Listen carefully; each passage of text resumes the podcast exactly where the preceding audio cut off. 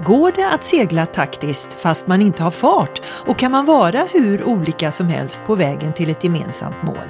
Svaren finns hos en av världens mest meriterade havskappseglare. Bara i hjärntillskott med Lydia.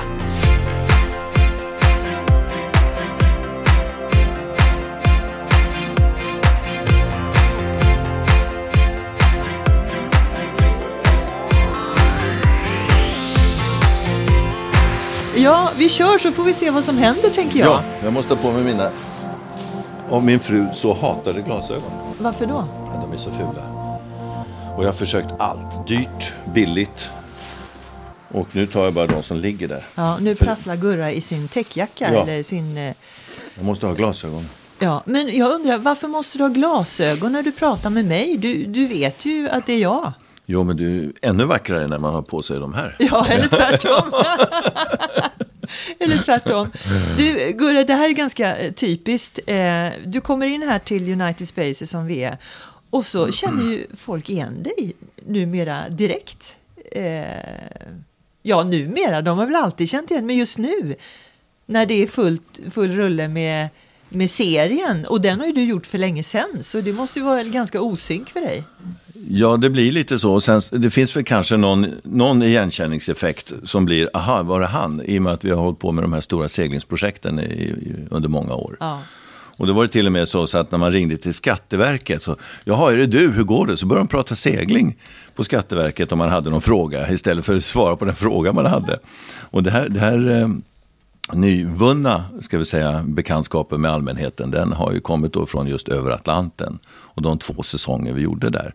Men man spelade, vi spelade in då på eh, vintern, januari, februari och sen klipps och sätts ihop alltihopa under sommarhalvåret och sen sänds det då i, tidig sen höst. Ungefär 9-10 program. Och, så att, visst, det är lite osynk. eh, Men jag, jag, jag är helt förbluffad över hur många som, som har sett det. ja. Jag tänker, har ni ingen liv? Har ni, Tittar ni bara på TV? ja, sitter ni bara hemma? Men du Gurra, du vill ta den där kolan i Ja, munnen det- ser jag. Du, du, du, får det om du vill. Men, men så här är det ju också, för vi får väl tänka på de som kanske inte kan så mycket segling eh, också. Men för mig och många andra så var ju du under 90-talet en av de stora fixstjärnorna inom havskappsegling eh, tillsammans med många andra fina namn, Magnus Olsson och Roger Nilsson och många fler. Eh, men men ehm, du har ändå hållit överraskande låg profil de senaste decennierna, eh, tycker ju många. Det kanske Ja. inte du håller med om? Nej, det... Jo, menar jag. Förlåt, jag börjar fel ände. Ehm, Varför Ja. tackar du plötsligt ja till en sån här offentlig historia? Det var ganska lätt, fast det tog lång tid egentligen att säga ja. Det var många faktorer. Det ena, jag har aldrig gjort det förut. Eh, två, det är jättespännande och kul att få bekantskap med den här typen av, av människor som då är med ombord. Och eh, någonstans så, så stämde det även i tiden för mig.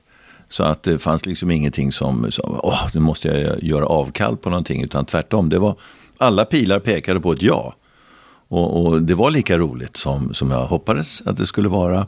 Och det är lika roligt som jag tror det framgår eh, i, i de här programmen. Så att det, det var bara positivt alltihopa. Jättekul. Och för de som inte vet det så är- seglar du alltså tillsammans med kända profiler över Atlanten. Och det här är människor som oftast inte har någon seglingserfarenhet alls. Så är det. De, de flesta har ingen seglingserfarenhet och har de det så är det förmodligen någonting som de eh, kanske till och med har som nackdel. Eh, därför att har man en viss förkunskap så, så kan det vara att den kanske inte riktigt eh, synkar med det man ska göra. Och jag kommer ihåg när jag mönstrade en gång i tiden och eh, hade bra resultat och, och så sa de, du får välja vad du vill. Ja men bra, då blir jag attackdykare för jag har dykcert. Aldrig i livet säger de. Och då var, jag, då, då var första gången, jag kom i kontakt med det här med att det kanske inte är bra med någon förkunskap. Vilket är nästan som en utopi när man tänker. För du är inte tänk- formbar då när du har Ex- förkunskapen. Exakt, du är inte formbar. Och likadant när jag tyckte att jag kunde eh, såga motorsåg. Då var det en god vän till mig som sa, nu ska du gå på motorsågsskola. Så jag var ute i Vaxholm, ute i bushen och luktade svett och, och, och bensin i fyra dagar. Och det är det bästa jag gjort.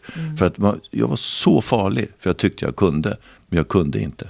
Mm. Ju mer man vet, desto mer vet man att man inte vet någonting. Mm, exakt så är det. Ja, ja. Men vad har du gjort under de här 20 åren då, när du, när du var någon annanstans? Jag har föreläst mycket. Eh, väldigt mycket föreläsningar som har kommit ur, ur de här seglingsprojekten där vi har gjort alla misstag och, och bra grejer man kan göra. Och sen har jag eh, bildat ny familj. Jag har levt ett lite annorlunda liv. Jag har jobbat mer kanske med de kommersiella aspekterna bakom seglingsprojekt än, än själva utförandet. Så att jag har haft ett väldigt privilegierat liv och haft urkul. Vi köpte hus i Sydafrika och gjort alla möjliga saker som why not? Liksom. Mm. Det, det, det är många sådana beslut, varför inte? Mm. Varför inte har du mm. helt rätt i. Mm. Du, ditt långa yrkesliv inom segling eh, har ju också eh, gjort att du har seglat runt planeten fyra gånger. Ja. Eh, det är helt otroligt. Alltså jag tycker man tar saker för givet ibland. Men fyra, då betyder det att du är på en båt tills du har kommit fram. Ja, eh, så kan man säga, men det är vissa avbrott. För det är uppdelat på delsträckor. Så att de här kommersiella större kappseglingsprojekten runt jorden, de är ju nästan som en resande teaterföreställning. Man plockar ihop grejerna och så kappseglar man, försöker hinna först fram och få den bästa platsen för, för sin eh, scen. Och så monterar man upp alltihop och det, då är det förberedelser, eh, för debriefing, eh, reparation av båten, förberedelser, kommersiella aktiviteter med alla partners och så startar man igen. Mm. Du, vanliga dödliga känner igen kanske namn som America's Cup och Volvo Ocean Race och sådär. Kan du hjälpa oss att bara eh, sätta en hierarki på vad är den liksom eh, finaste tävlingen? Vad är motsvarande World Cup eller OS? För America's Cup vet man ju eh, låter ju i alla fall som om det är den, den, där sker finalen för alla delkvalificeringarna, eller hur funkar det? Man kan väl säga att de tre högsta eh, seglingsprojekten som finns. Det är ju America's Cup, det är Volvo Ocean Race och det, eller nu heter det Ocean Race, eh, eh Ocean Race och eh, OS. Och jag vill nästan ranka dem i den ordningen faktiskt. Men man kan inte vara med och vinna America's Cup om man inte har någon typ av OS-liknande bakgrund. Man måste vara en, en, en, absolut högst rankad tävlingsmänniska inom sporten segling. För att eh, seglingen kräver det eller för att man måste ha det CVt? Eh, seglingen kräver det men också huvudet kräver det. Så att du verkligen kan få ut max av dig själv. Mm. Och tittar man på Amerikas Cup som är kanske då tier one, alltså nummer ett i, i uh, omfattning, i galenskap och pengar och juridiska spörsmål som avgörs i domstol och alla möjliga galna saker. Så är det en, en ledstjärna för utveckling. Och det enda vi vet med utveckling är att vi inte kan stoppa den utan vi kan försena den om vi stretar emot. Och eh, Amerikas Cup har alltid varit ett tech management race. Det, man måste ha ordning på tekniken, man måste ha ordning på farten och sen kommer de övriga eh, sakerna. Och då lever man i den här projektmiljön i ganska mång, många år. Eh, de stora projekt är lite grann taikondrivet, alltså någon stor, väldigt förmögen och framgångsrik affärsperson. Som då tycker att det här passar min image, det här vill jag göra. Och kanske lite en existensmanifestation över hur bra det har gått. Jag skulle tro att flera av de här individerna som är med, de är säkert inte intresserade om det skulle bli billigt. Om man nu får vara lite raljant i det hela. Det ska vara en, en, en automatisk sortering av de som har, möjligheten att vara med. Absolut. Mm. Det, det, jag tror det finns en sån ingrediens. Men den, den åsikten är högst personlig. Det får jag säga. Sen finns det då mer eh, ska vi säga, kommersiellt drivet där man har riktigt kommersiella partners i form av företag som använder Eh, i förut då Volvo Ocean Race och numera Ocean Race som en kommunikationsplattform med alla olika intressesfärer. Anställda, kunder, politiker, media och så vidare. Så att, och där är det ju ett, det här resande teatersällskapet som åker runt. Det är en helt annan typ. Det är Paris-Dakar. Det andra är Formel 1. Och det är, kräver samma energimängd men det är helt olika verktyg. Och sen har du då OS som är, är en, alltså en, en, en oerhört svår sak att hålla på med. Jag har aldrig kommit till OS, men jag har levt i OS-kampanjer tidigare. Och det är då vart fjärde år så ska man lyckas under en liten, liten, liten kort stund. Amerikas Cup och Volvo Ocean Race, där har du fortfarande en period där du kan återhämta dig och faktiskt komma tillbaka. Men OS, det är ju bara några dagar. Det är ju tio dagar eller vad det kan vara i framtiden när man seglar. många race visserligen, men det är just där och då. Och sen är det över. Är du lite eh, ledsen över att du inte lyckades eh, klicka i OS-boxen också? Bland alla race du har varit med? Inte ledsen, det kan jag inte vara nu, så här långt efteråt. Vi slutade då, den konstellationen vi var, tre personer och seglade en, en båttyp som hette Soling. Och vi var oerhört nära, men det var ryggskott och vår oförmåga att eh, segla taktiskt när vi inte hade bästa farten. Det var de två akilleshälarna vi hade. Eh, och det sistnämnda då är ju naturligtvis jättesvårt, men vi seglade briljant när vi hade bra fart. Och det är, tycker jag, men det är, väl inte så, det är väl inte så svårt. Jo, det är lika svårt det. Men det är ännu svårare att segla bra när man inte riktigt, riktigt hänger med i fart. Och där hade vi en akilleshäl och då såg vi att de som spöade oss, de, de hade den förmågan att ändå ligga rätt. Eh, och inte försöka någonting, något magiskt som någon annan inte har lyckats med tidigare. Och vi hade en liten sån ingrediens och därför nådde vi inte hela vägen fram. Du har ju nästan 50 års erfarenhet av segling nu, stämmer det? Ja, det kan det nog vara. När började du segla? Eh, Jag började segla. Jag vann mitt första, min första kappsegling 1964. Då var jag då nio år och nu är jag bara 42, eller hur? Jag tänkte komma till det. Du måste ha lärt känna dig själv oerhört mycket. Vi kan väl säga det, du är 65 år nu va? ja, 66 i april. I april. Eh, vad har du eh, märkt eh, av dig själv under alla de här åren? För det är ju en otrolig eh, press och stress och prestation som hela tiden ska vara den bästa. Man måste ju lära sig väldigt mycket av sig själv. Du har till och med skilt dig på kuppen Ja. eh, och det är kanske inte så ovanligt nu för tiden att man gör. Men allt det här måste ju ha påverkat dig. Jättestor påverkan och det är först efteråt i eftertankens kranka blekhet som man då kan göra en, någon form av analys. Och är man då på något sätt i kontakt med sig själv så, så har man en förmåga också kanske att ta till sig vad andra säger. Kanske inte alltid håller med. Men, men eh, det ingår ju också i min uppgift att, att eh, försöka förstå vad de andra säger även om jag inte håller med. För det är oftast den spegling som är riktig, den, vad andra människor säger. Eh, Det är väldigt ofta en människa säger sig vara på ett sätt som han eller hon skulle vilja vara, men inte riktigt stämmer överens med verkligheten. Hur är du? Jo, jag är si och så. Okej, vänta, då måste man börja fundera. Och de här funderingarna har ju i de här utsatta lägena, i de här projekten, i livsfarliga situationer där man bara har sig själv att, att eh, lita på och sina lagkamrater framför allt. Eh, Så, så upplever man i, i vissa fall vissa klarheter i saker och ting om den egna personligheten och förmågan och eh, tillkortakommanden. Och det lär man sig väldigt, väldigt mycket av.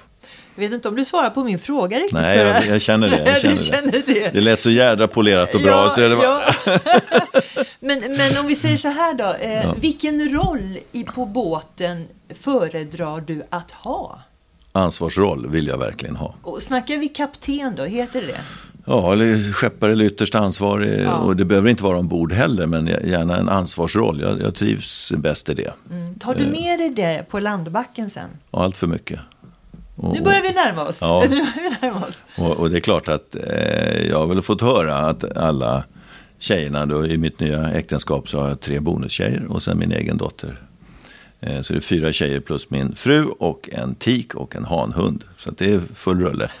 Eh, men nu har vi fått tjejerna att flytta ut. Men hemma vid då så kanske det kommer någon kommentar som säger då till mig att pappa eller Gurra, eh, frukostätande är ingen tävling. Vi kan väl bara sitta här och, och äta i lugn och ro.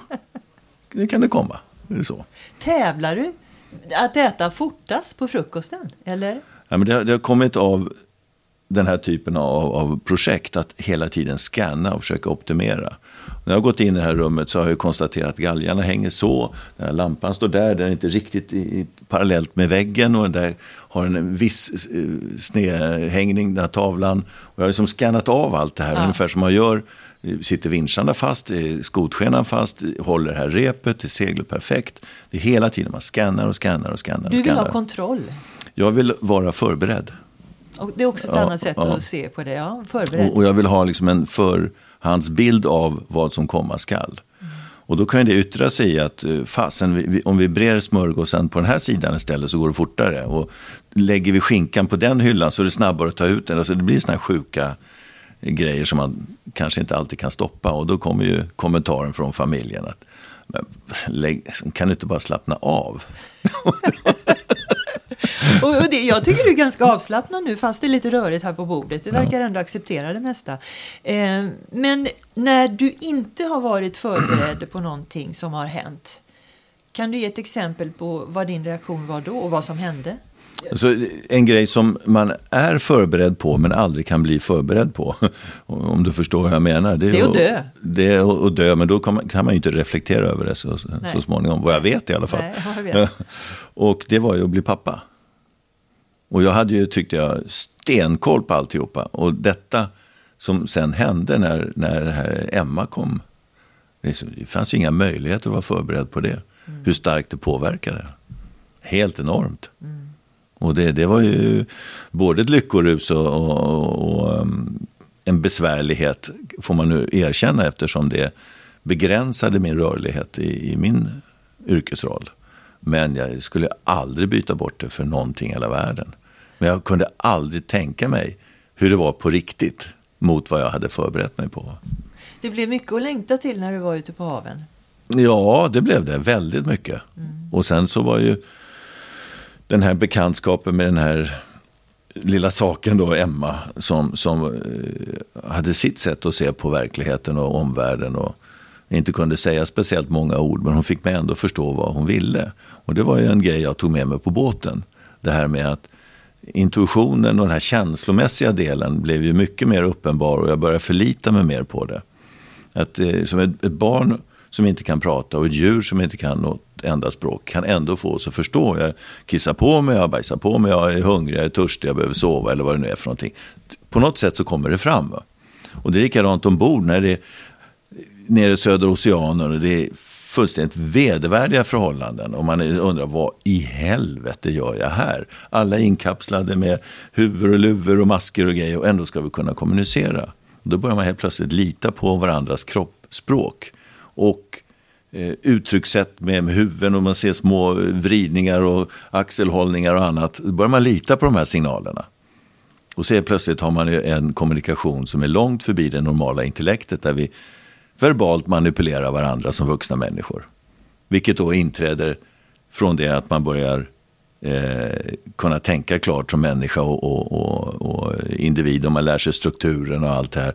Så börjar man polera sitt förhållningssätt till omvärlden och så börjar vi manipulera varandra. Omedvetet oftast. Mm. Men det sker ändå. Mm. Och i början är det klarspråk. Jag kissar på mig, jag behöver ny blöja. Och du har inte sagt ett enda ord tycker det är rätt fascinerande. och från detta med blöjor, så det här med kommunikation på en båt. Jag mm. menar, du har ju ofta utsatt dig och haft förmånen, det beror på hur, hur man ser det, att bunta ihop människor från med olika personligheter och olika kulturer. Och det är någonting som många eh, arbetar med varje dag, att få ihop team. Mm. Eh, du har väl också lärt dig genom åren vad man ska göra och vad man inte ska göra? Jag har väl lärt mig genom åren att man kanske inte ska göra så jäkla mycket. Och framförallt ska man inte försöka stöpa om människor. För jag har ju valt dig att vara ombord av en viss anledning. Du har en viss personlighet, du har en viss eh, spetskompetens. Och du har den möjligheten i ditt liv just här och nu att vara med. Nu, men vänta nu, om du ska ha med mig på din båt, då måste du känna mig väl innan. Och man känner ju inte alla första gången man seglar ihop. Hur kan du skanna av någons personlighet bara genom att Ofta så har man en ganska lång uppbyggnadsperiod inför varje projekt där man hinner testa människor. Och när testar man människor? Jo, det är när man sätter dem i områden där de kanske inte riktigt räcker till. Så är det någon som är duktig på fördäck och vi ska testa den här personligheten. Ja, inte fasen sätter vi den personen på fördäck, utan då sätter man den här individen kanske vid masten där de har 90 procent av sin kapacitet. Och eh, det räcker ju inte. Till slut kommer ett tillkortakommande. Vi har en dialog om det här och då ser man hur den här människan reagerar. Är det försvarstalet, liksom att eh, det gick inte därför att, och så skyller man på hela omgivningen. Och alla rödflaggor åker upp. Eller så är det någon som säger, ja fasen det där borde jag tänkt på. Jag ska eh, prata med den personen som jag är beroende av och så löser vi det här på fördäcket. Wow, här är ju både insikt och ledarskap i detalj och så helt plötsligt så har man någon som förmerar istället för tar energi. Det är ju väldigt bra konkret knep, sätta ja. personer på ställen där de inte är så vana. Mm.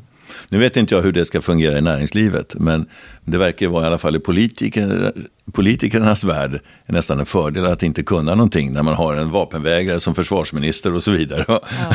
så att det, det, det, finns en, en sakfråga som jag tycker man ändå ska bortse ifrån, utan jag sätter den här personen i en obekväm sits så småningom. Och sen så kommer då debriefen och så ser jag hur den här individen reagerar. Då får jag rätt mycket eh, kunskap om hur den här personen är sammansatt. Mm. Men det tar tid, tålamod. Och i vår värld så är det att vi tar medvetet dåliga resultat för att testa människor. Mm. Genom dina föreläsningar så har du varit över hela världen. Vad, vad, hur upplever olika kulturer det här med segling? Det har varit allt från eh, Saudiarabien till Thailand där du och jag mm. faktiskt var på samma internationella scen för herrans massa år sedan. Med Ericsson. Med Ericsson ja, var det då ja. ja. Och prata teknik och ledarskap också. Ja. Eh, det, nu känner jag att jag rådnar här. Det måste vara över 20 år sedan. Jag hade inga barn då och de är ju 20. Jaha, ja, det kanske är så Eller så länge hade sedan. Jag det. Jo, jag jo hade. nu hade du barn. Så länge sedan kan det inte vara, för det måste vara på 2000-talet. Vet du vad? De är födda, jag har tvillingar, de är födda 2001. Ja. Och jag åkte ifrån dem när de var supersmå för att hänga med dig i Bangkok. Ja, det är bländande. Vilka. jag tror att det var 2003. Något sånt. Ja, det kan det vara. Ja. kan det vara, ja. Jag misstänker att det var det. Ett litet sidospår, men väldigt mm. intressant. Men icke desto mindre har du ändå varit hos ehm, eh, företag och länder med olika kulturer. Är det någonting som slår dig när du, när du eh, pratar segling med dem och de här projekten? Ja, det, det, och jag är ganska kategorisk. Jag anser att man har möjlighet att skoja om det. Jag kanske inte alltid är riktigt PK. Men det finns vissa mekanismer som jag inte vill ändra på. Och jag tar ju upp det i mina föreläsningar och, och exemplifierar med tysken, engelsmannen och fransmannen. Och det låter som en gammal avdankad sämre Bellman-historia emellanåt. Kör! Men, men det, finns, det finns ingredienser och det, av någon jäkla anledning så blir alltid tysken ansvarig för motorer och verktyg. Det är bara så. Ingen, det, så, det är ju intressant. Det finns alltså. ingen konkurrens. Så brukar jag skämta och säga, kommer fransosen inom tre meters håll från motorn så dör motorn direkt. Det, och, och, det händer. Och ingen av oss säger att det ena är rätt och det andra är fel. Det är inte det det handlar om. Utan Vad gör fransosen då? Fransosen är urskicklig på att styra. Och har ju inga möjligheter att förklara hur. Men lätta fingertoppar, leker med vågorna, får den här båten att dansa. Tysken styr med vita knogar rätt fram inom en tiondels grad från, från kursen. Då. Men det ena är ju rätt ena sekunden och det andra är ju rätt i andra sekunden. Så att det gäller bara hur applicerar vi det här? Hur använder vi detta? Och, alltså, jag är inte religiös, men jag säger ändå Gud förbjude att vi försöker ändra de här två personligheterna. Att få tysken att bli dålig på verktyg och fransosen blir sämre på att styra eh, med sina fingertoppar. Utan det, och det kom, deras karaktärer kommer ju av deras bakgrund. Det, det, är ju så. Ja. Och då kan vi ju inte säga att nej, jag vill inte att du ska vara så här. Jag vill att alla ska vara lika. Och vad har vi då? Ja, då har vi plötsligt 12 Gurra Krantz ombord. Och det går ju inte. Nej, men det hade varit roligt. Fullständigt förfärligt. men du, vi var ju på... Är du med, är du ja, med på jag, jag, fatt, jag fattar. Och, och, och, tysken då, eh, som du säger, avviker inte från kursen. Har du sagt eh, 240 grader, då är det minsann det som gäller. Ja, ja, då är det 240 grader, inte 241 eller 239. Och det fattar till och med jag, det är ju inte alltid bra att vara så himla eh, oflexibel. Nej, och, och, och fransosen han är liksom nere på 120, uppe på 310 för att det går fort. Och det är roligt. Liten att, omväg bara. Ja, jo, men det går ändå fortare. Ja, ja. Så totalt sett så går det kanske fortare än att precis hålla den här evinnerliga eh, kursen. Och det alltså, måste ju leka med vågorna. Vi måste utnyttja vindens puffar och små skiftningar och allt det här. Och det är det då som är eh, förödande för slutresultatet om vi tar bort alla de här sakerna. Så att det, vad det egentligen i botten handlar om det är vår egen fördragsamhet, vårt, vår förmåga att härbärgera de här olikheterna och förstå var sitter irritationen. Det är lite som livet, Gurra. Exakt. Men vi eh, avhandlade tysken, fransosen, det finns ju fler. I Bellman-historierna i alla fall. Engelsmannen. Engelsmannen. ja, Låt aldrig de? engelsmannen laga mat, brukar jag säga. Alltså, det, det är bara exemplifiering och det är bara ett sätt att förhålla sig på ett avslappnat sätt eh, till de här olika kulturerna. Olika personligheterna är det vad det handlar om egentligen.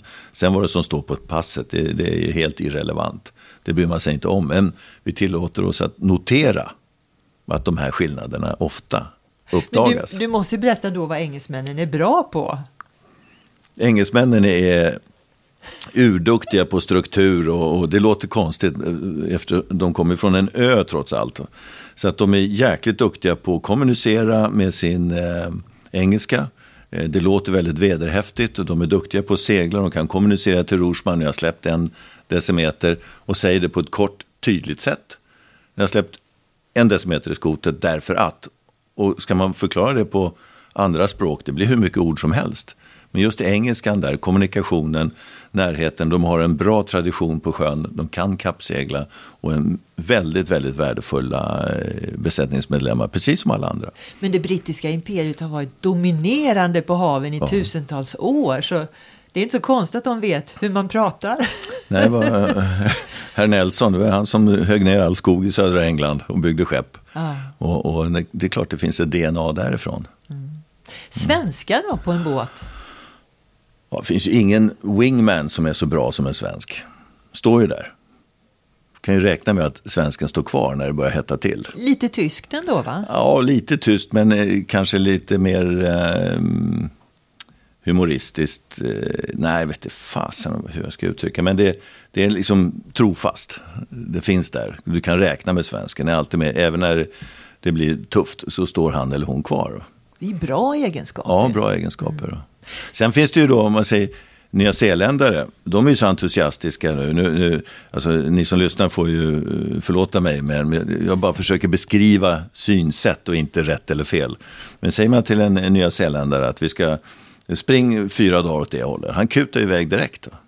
Väntar inte på instruktioner eller någonting, utan bara skit iväg. Men ska du inte veta? Nej, okej, för sent. De är lite snabba i, i besluten. Ja, de, de är så jäkla teamorienterade.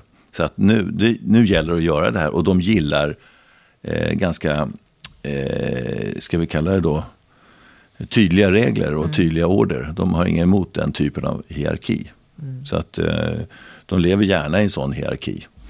Och säger man till en svensk, dra iväg, spring fyra dagar åt det hållet. Jaha, varför då? Eh, när då? Och hur ska det se ut? Och jag måste få vara med och bestämma om allt det här. Och sen, liksom, kommer aldrig iväg. Va?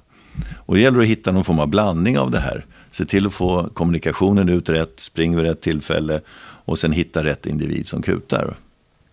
Så att det finns ju en, hela tiden en pågående inlärning i hur man använder varje människa, om man får uttrycka det lite krast. För det är vad det handlar om. Mm. Förmå varje individ att leverera sitt bästa. Blir det en fortsättning förresten? Eh, jag, jag, jag vet inte, måste jag erkänna, om, om det blir något i år. Jag, jag kommer inte vara med om det blir segling nu 2021. Eh, det är allt jag vet. Och eh, sen så, så vet jag inte om de kommer iväg på annat sätt. För, I och med rådande situation med, med corona och alltihopa. Och, men inför kommande vistelser på havet, oavsett vad det gäller, så kommer jag att eh, framhålla mitt totala paradigmskifte när det gäller just de här sjösjukeplåstren i alla fall. Piller, fortfarande ganska anti. Eh, för de är så starkt påverkande. Men plåstren tyckte jag gjorde suveränt eh, resultat med de här som använder dem. Om du hade fått frågan, hade du kört över Atlanten en gång till? I det här In- sammanhanget? Ja, inte, inte i år. Jag har ju fullt upp med min eh, marina på Lidingö. Och, och eh, kommer behöva borra ner mig där.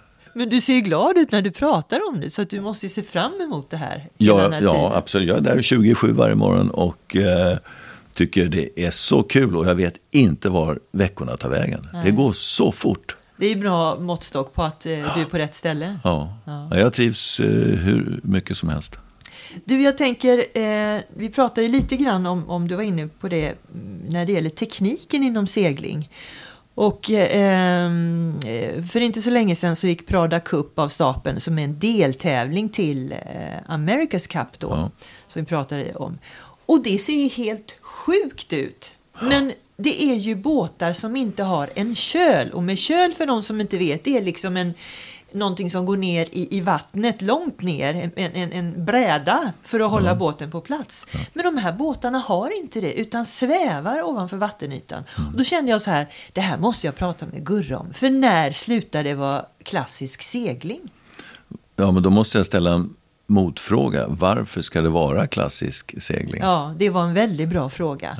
Men jag tycker jag upplever att de gör på annat sätt när de seglar de där båtarna. Det är väldigt mycket, eh, ja, jag vet inte, man, ska, man måste nästan se det i bild för att förstå att det är helt annorlunda. Ja, de ser ju ut som stora spindlar som kommer Ja. med, med ben som sticker ut på sidorna.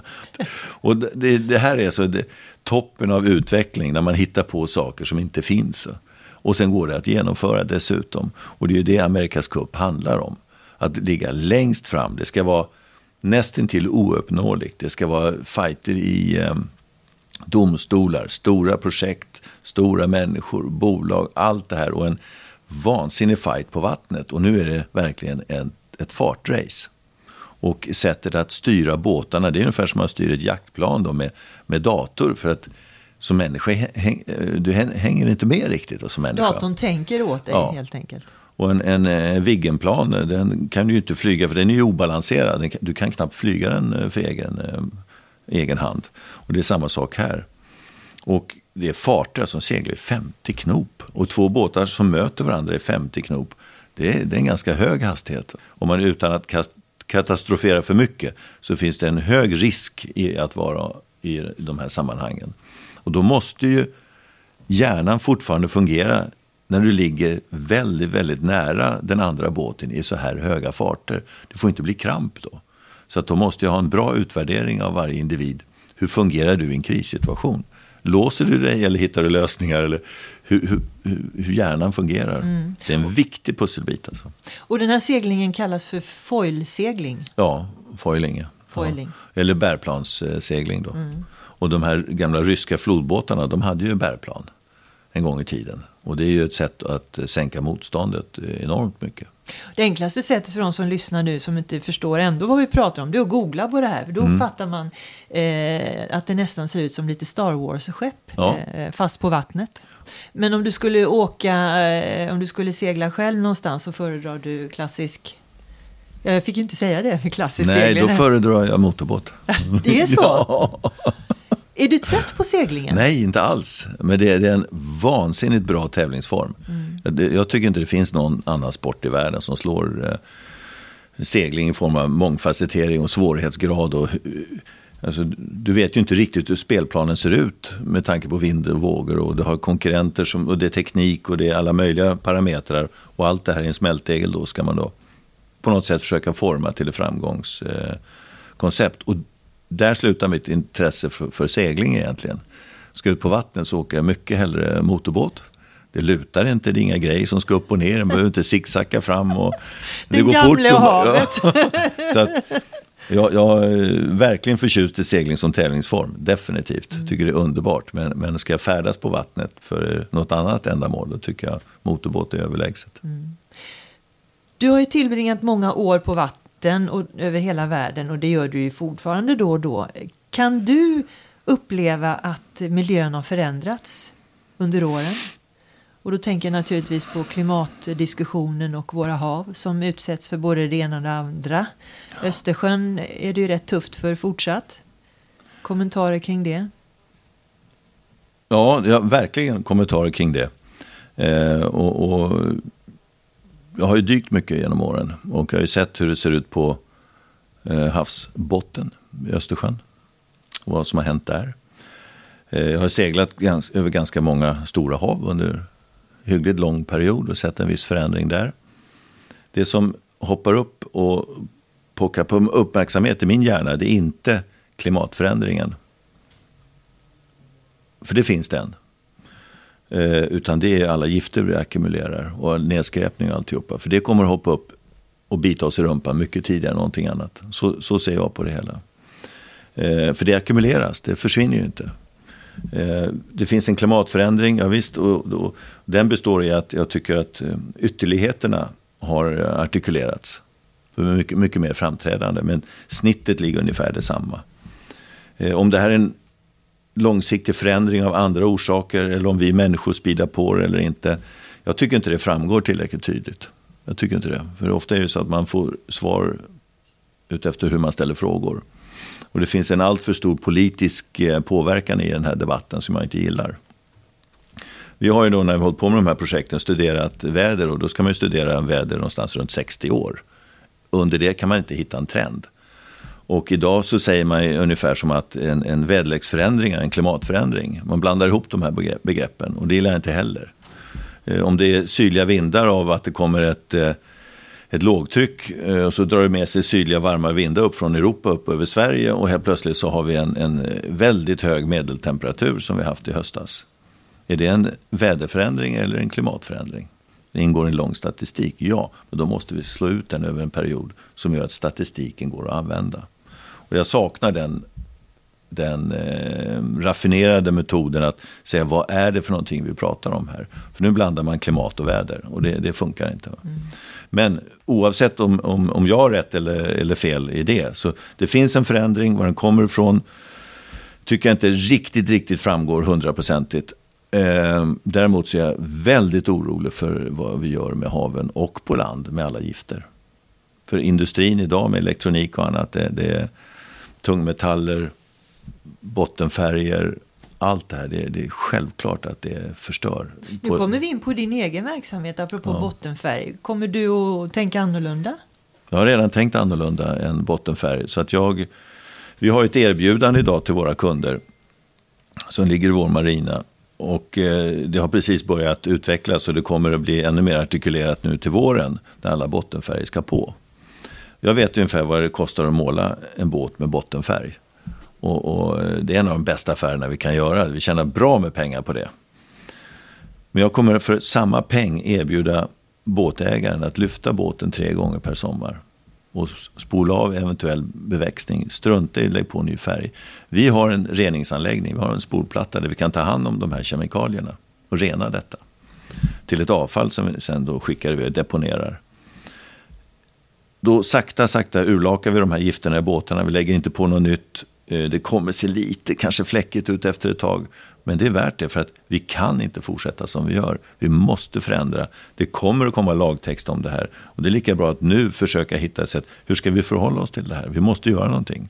Och vårt bidrag då på, på vår marina det är att säga okej, okay, för samma peng som en bottenmålar så lyfter vi tre gånger. Och det brukar alltid räcka. Och så blåser vi av allting, gör rent och snyggt och så i igen.